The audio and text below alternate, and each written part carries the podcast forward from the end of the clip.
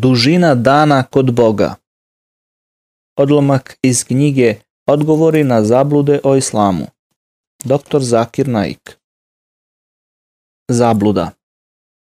Kur'an na jednom mestu kaže da jedan dan kod Boga traje koliko hiljadu naših godina, a na drugom mestu kaže da je jedan dan kod njega koliko 50.000 naših godina. Ovo je očigledna kontradikcija. Odgovor Ne može da se poredi naše i Božije vreme. Časni Kur'an na dva mesta, u poglavlju Hadž i u poglavlju Sežda, kaže da je jedan dan kod Boga koliko hiljadu godina po našem računanju. U suri poglavlju Me'aridž stoji da je jedan dan kod Boga koliko 50.000 godina po našem računanju.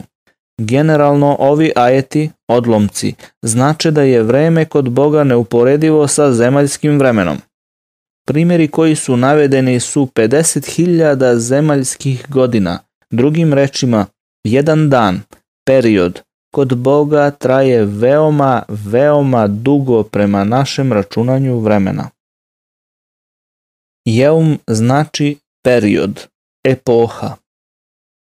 Arapska reč koja se u svim ovim ajetima koristi je jeum, što osim značenja dan ima i značenje epoha, veoma dug vremenski period. Ako reč jeum ispravno prevedete, neće biti nikakve konfuzije. Evo tih ajeta. Pod A. Sura El Hajj, 47. ajet. Oni od tebe traže da ih kazna što pre stigne i Bog će ispuniti pretnju svoju, a samo jedan dan u gospodara tvoga traje koliko hiljadu godina po vašem računanju.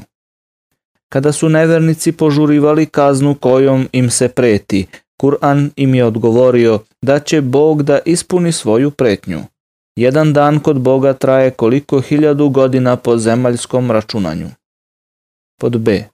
Sura Es-Seđda, peti ajet. On upravlja svima, od neba do zemlje, a onda se sve to njemu vraća u danu koji prema vašem računanju vremena hiljadu godina traje.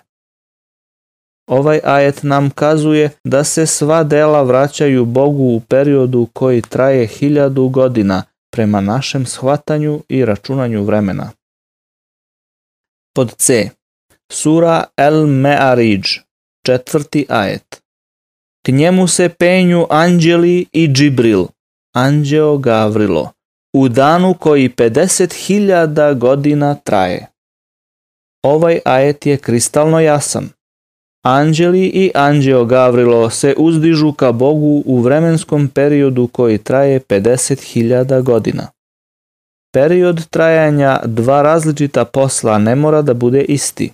Na primjer, ako kažem da mi do destinacije A treba sat vremena putovanja, a do destinacije B 50 sati, ove dve tvrdnje ni po čemu nisu kontradiktorne. Navedeni kuranski ajeti ne samo da nisu kontradiktorni jedni drugima, već su u savršenom skladu s potvrđenim naučnim činjenicama.